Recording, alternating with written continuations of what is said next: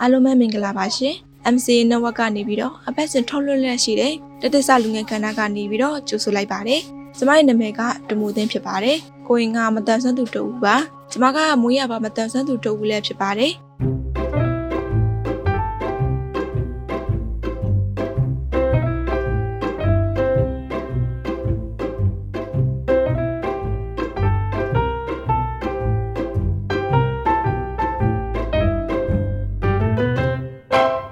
ရပါမတန်ဆွမ်းသူတွေအနေနဲ့အများဆုံးတွေ့ကြုံလေးရှိတဲ့အဖြစ်အပျက်ကိုကျမနဲ့ကျမရဲ့မိတ်ဆွေဝေးရပါမတန်ဆွမ်းသူတို့ဦးနဲ့မျှဝေဖြစ်ခဲ့ပါတယ်။အဲ့ဒီမှာဆိုရင်ကျမတို့နှစ်ဦးရဲ့ဖြစ်ပျက်ကတော်တော်လေးကိုတူနေတာကိုကျမအနေနဲ့တွေ့ရပါတယ်။ဥပမာကျမရဲ့မိမေကျမကိုမူဖပြီးပြီးအချိန်မှာမိသားစုဝင်တွေကကိုရင်ကမစုံတဲ့ကျမကိုသူတို့အနေနဲ့တိတ်တော့လက်မခံချင်ကြဘူး။တချို့ဆိုတပ်ဖို့ထီတောင်တွေးရလို့ကျမအနေနဲ့ပြန်သိရပါတယ်။ဖြစ်နိုင်တာကသူတို့ရဲ့ဘဝဝင်ကျင်မှာမတန်ဆွမ်းသူတွေ မမြင်ဘူးကြတာလည်းဖြစ်နိုင်တယ်လို့မိသားစုဝင်ထဲမှာမတန်ဆွမ်းသူတွေမရှိရလည်းဖြစ်နိုင်ပါတယ်။နောက်တစ်ချက်ကသူတို့တွေအနေနဲ့မတန်ဆွမ်းနဲ့ပတ်သက်ပြီးတော့ဘဝတုဒ္ဒမရှိတာလည်းဖြစ်နိုင်တယ်လို့ကျွန်မအနေနဲ့ထင်မြင်မိပါတယ်။မိဘတွေတိုင်းကတော့ကိုယ့်ရဲ့သားသမီးကိုပြည့်ပြည့်စုံစုံဖြစ်ချင်တာကတော့သူတို့ရဲ့မေတ္တာတရားပဲဖြစ်ပါတယ်။ကျွန်မရဲ့အမေဆိုရင်လည်းကျွန်မကိုမဖပြီးပြီးချင်းမှာဒီဗာလေးမွေးလဲ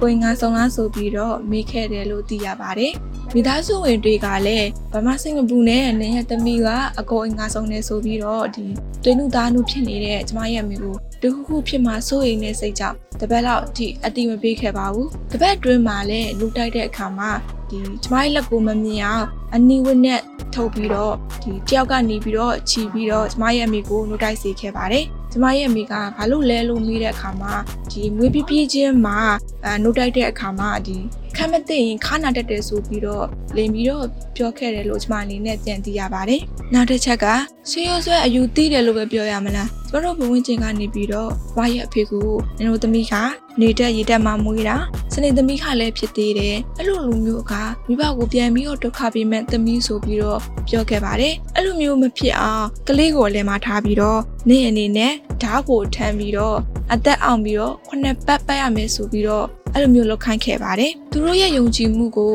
စော်ကားပြီးတော့ပြပြခြင်းလုံးဝမဟုတ်ပါဘူး။ဘဝတုဒ္ဒအနေနဲ့ဝိညာဉ်ခြင်းသာဖြစ်ပါတယ်။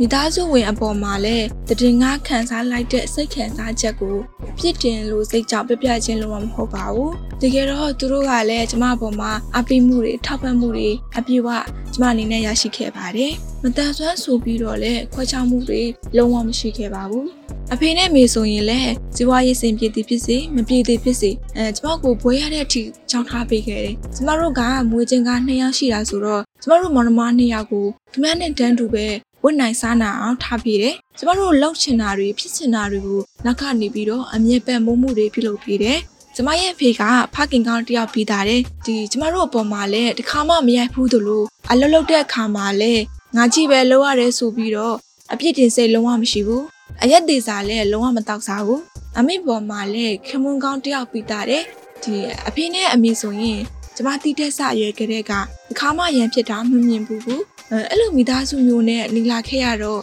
မတန်ဆန်းတယောက်အနေနဲ့မိသားစုနဲ့ပတ်သက်ပြီးတော့စိတ်တန်ရတော့ကျမအနေနဲ့မရရှိခဲ့ဘူးဒီစင်စင်လေးကနေပြီးတော့အဖေနဲ့မေကိုမပြောဖြစ်ခဲ့တဲ့စကားကိုပြပြချင်ပါတယ်အဖေနဲ့မေနားထောင်နေမယ်လို့ကျမအနေနဲ့ယုံကြည်ပါတယ်သမီးအနေနဲ့ပါဇက်ကနေပြီးတော့အဖေနဲ့မေကိုချစ်တဲ့ဆိုပြီးတော့မပြောဖြစ်ခဲ့ပေမဲ့သမီးရင်ထဲမှာ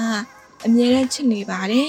အဖေနဲ့မေရဲ့သမီးဖြစ်ရတာသမီးအနေနဲ့ခုံယူပါတယ် အဖေဖြစ်စေခြင်းနဲ့သမီးအဖေဂုဏ်ယူရတဲ့သမီးဖြစ်အောင်လဲသမီးစူးစမ်းနေပါတယ်။ကျမကြီးလည်းအရင်ကထက်ပိုပြီးတော့ဂယူးဆိုင်ပါလို့ဒီနေရာကနေပြီးတော့မှားချင်ပါတယ်။တကယ်တော့ကျမတို့ကိုယ်တိုင်ကလွဲမနေတဲ့ခံယူချက်တွေနဲ့အချိန်ကြာကြီးထီနေလာခဲ့တာပဲဖြစ်ပါတယ်။ကျမဆိုရင်ဒဇိမ့်တွေအပေါ်ကြတော့တနန်သမျှတိခံနဲ့အမျက်ချစ်ချောင်းကိုထုတ်ဖော်လေးရှိတဲ့ဒီမိသားစုဝင်တွေအပေါ်ကြတော့အဲ့လိုမျိုးမဟုတ်ဘူး။ထုတ်ဖော်စရာမလိုအပ်ဘူးလို့ကျမအနေနဲ့ ထင်ခဲမိတယ်။အမှန်တော့ကျမတို့က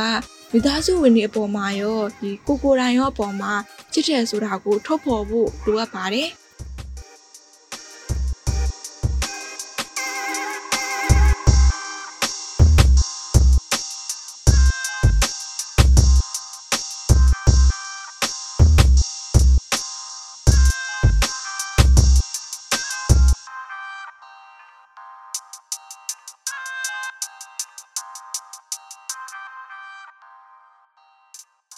ကျမတို့ကိုယ်တိုင်ကိုက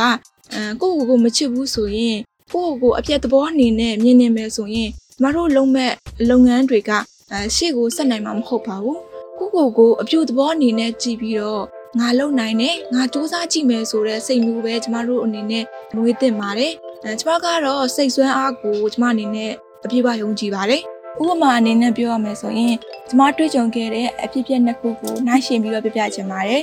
ဒီပထမဦးဆုံးဆိုတာကျမကရေကူးအာကစားသမားဟောင်းတစ်ဦးဖြစ်ပါတယ်ဒီ2013ခုနှစ်မှာရေကူးအာကစားလောကမှာစတင်ပြီးတော့ဝင်ရောက်ခဲ့တာပဲဖြစ်ပါတယ်ဒီဘလို့ဆက်သွယ်ရလဲဆိုတော့ကျမကဒီ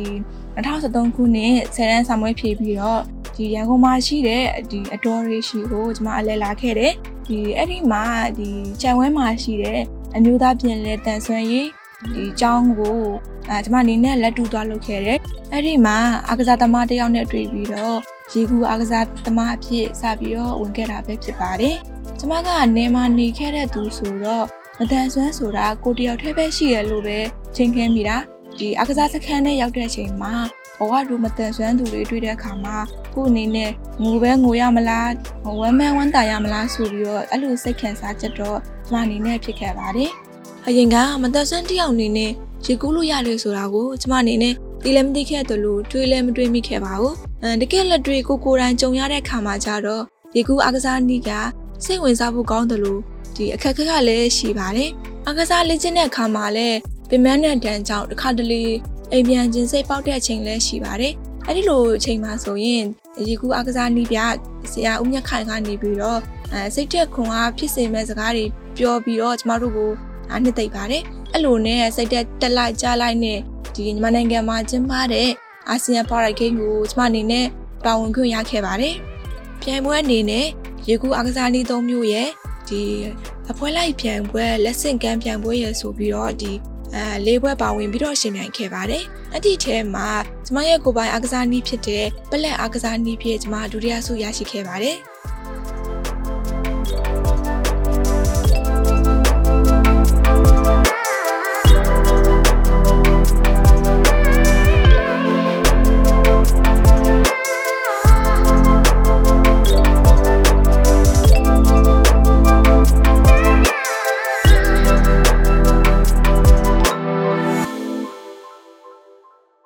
ချို့ကလည်းပြောနိုင်တဲ့ဒီကိုယ်နိုင်ငံမှာအရှင်ဖြစ်လက်ခံပြီးတော့ကျင်းပတဲ့အတွက်ကြောင့်ပြိုင်ပွဲပွဲစဉ်တွေကခြောင်ကောင်းခြောင်နိုင်တယ်ဆိုပြီးတော့ပြောနိုင်ပါတယ်အဲ့ဒါလည်းဖြစ်ကောင်းဖြစ်နိုင်ပါတယ်ဒီအဲ့ဒီပွဲမှာကျမကိုနီးပြတွေက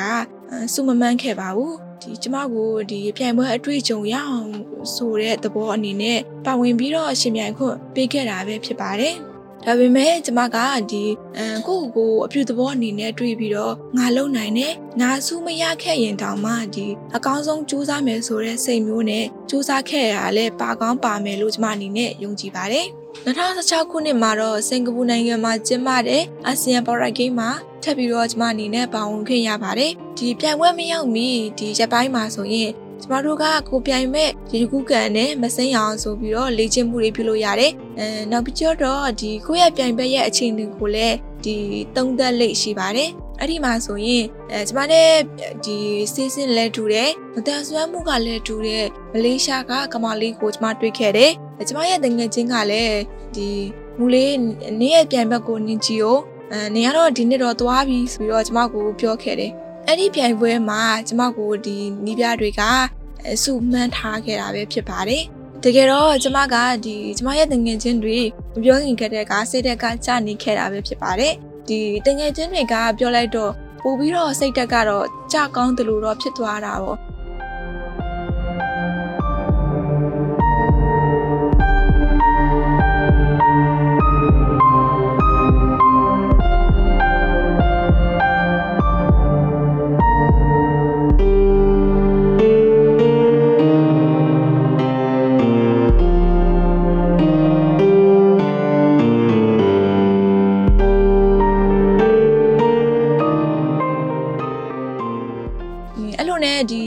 င်ပွဲလဲရောက်ရောမရဲ့ကိုပိုင်အားကစားနည်းဖြစ်တဲ့ပလက်အားကစားနည်းပြိုင်တဲ့အခါမှာဒီဆူရဖို့မပြောနဲ့အရင်ကလေးချင်းခဲတဲ့စံချိန်တောင်ကျမအနေနဲ့ပြန်မရခဲ့ဘူးတော်တော်လေးစုခံခဲ့ရတဲ့အဲ့ချိန်ကအဲဒီဆရာကပြောတယ်သမီးအနေနဲ့စူးမရတာကဆရာအပြစ်မပြောလို့ဘူးအဲဒါပေမဲ့သမီးအရင်ကကူးခဲ့တဲ့စံချိန်တော့သမီးအနေနဲ့ပြန်ရတဲ့နယ်လို့ဒီကျမကိုပြောခဲ့တယ်ပေါ့အဲ့ချိန်တုန်းကတော့ဘယ်သူဘာပြောပြောစိတ်ကိုမဝင်စားခဲ့ဘူးဒီ ဆရာကိုတော့မှဒီဆရာသမီးဆက်ပြီးတော့မပြန်ချင်တော့ဘူးဆိုပြီးတော့ဒီကျမအနေနဲ့ပြောခဲ့တယ်ဒီဆရာကသမီးဘာမှမဖြစ်ဘူးဒီကိုယ့်ရဲ့စံချိန်သာကိုရအောင်ပြီးရှင်ပြိုင်ခဲ့ဆိုပြီးတော့အဲထပ်ပြီးတော့ပြောခဲ့တယ်ဒီကျမနောက်ထပ်ပြိုင်ပွဲတွေပြိုင်တဲ့ခါမှာလဲကိုယ်စံချိန်လဲကိုမရခဲ့ဘူးအဲ့တော့ကတော့ဘာမှစိတ်ထဲမှာမရှိဘူးဒီကိုတာဝန်ယူထားတဲ့ကိုပြန်ရမယ့်ပွဲစဉ်တွေပြီးဖို့ပဲကျမအနေနဲ့စိတ်ထဲမှာရှိတယ်တခြားဘာမှမရှိဘူးကျမမှာ အဲ့လိုနဲ့အာကစားနည်းရဲ့အဖွဲ့ပေါင်းစုံရှင်မြိုင်ပြီးတဲ့အခါမှာကျမတို့တွေရန်ကုန်ကိုပြန်လာခဲ့ပါတယ်ရန်ကုန်ရောက်တဲ့အခါမှာဒီဆူရကစားသမားတွေကိုစောင့်ကြိုတဲ့သူတွေရဲ့မီဒီယာသမားတွေရှိတဲ့အတွက်ကြောင့်ဒီဆူရတဲ့သူတွေကစူးတသိပ်တွေဆွဲကြရပါတယ်ဒီအဲ့ဒီအချိန်မှာကျမအနေနဲ့မတွေးလို့မရတော့ပါဘူးဒီကျမတို့ရေကူအားစားအဖွဲ့မှာဆိုရင်ကျမတယောက်တည်းပဲစူးမရခဲ့တဲ့အတွက်ကြောင့်ကျမမှာတင်ငယ်စိတ်တွေအားငယ်စိတ်တွေဝင်လာခဲ့ပါတယ်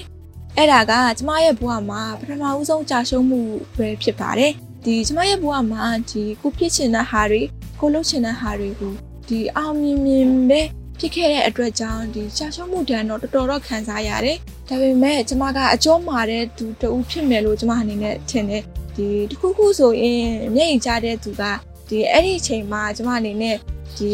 ကျမရဲ့ပုံစံကအဆင်ပြေသလိုမျိုးပဲဖြစ်နေတယ်။ ဒီရင်းထဲမှာတော့ဒီကယ်တော့ရင်းထဲမှာတော့အဆင်မပြေဘူး။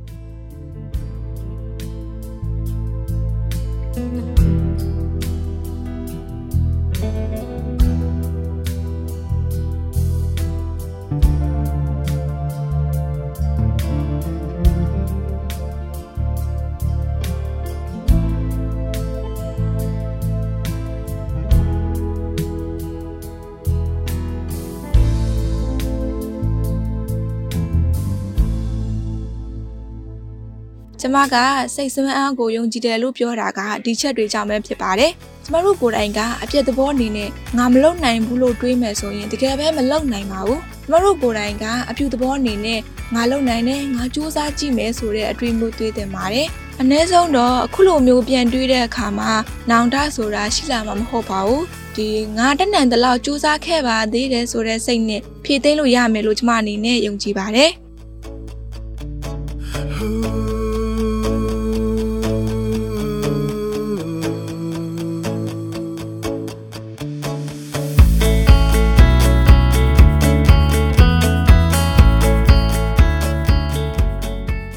MCA network နဲ့ချိတ်ဆက်မှုကကျွန်မအနေနဲ့ဒုတိယကြိမ်ချိတ်ဆက်မှုဖြစ်ပါတယ်ပထမကြိမ်တုန်းကဒီ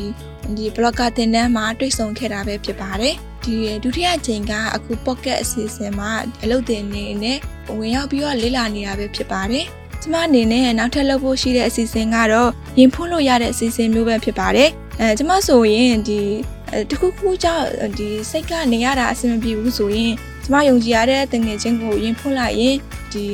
ကျမရဲ့စိတ်ကဒီပေါ်ပွားတယ်လို့မျိုးပဲခံစားရတယ်။ဒီကျမလိုမျိုးဒီလူတွေအတွက်ရင်တော့ဖွင့်ကျင်တယ်ဒါပေမဲ့နားထောင်ပေးမဲ့လူမရှိဘူးဆိုတဲ့သူတွေအတွက်ကျမအနေနဲ့ဒီစီစဉ်လေးကိုလုပ်ဖို့ဒီရွယ်ချက်ဖြစ်ပါတယ်။ဒီအခုထက်ထိဒီကျမရဲ့ပြောတာကိုအစားဆုံးနားထောင်ပေးတဲ့အတွက်ကြောင့်အဲကျမအနေနဲ့ကျေးဇူးတင်ပါတယ်။စိတ်ချမ်းသာခြင်းကိုယ်ကြီးကျန်းမာခြင်းနဲ့ပြည့်စုံပါစေလို့ဆုမွန်ကောင်းတောင်းပေးပါတယ်ရှင်။အလုံးကိုကျေးဇူးတင်ပါတယ်။နောက်ထပ်အစီအစဉ်မှာထပ်ပြီးတော့ပြန်လည်တွေ့ဆုံကြပါတယ်။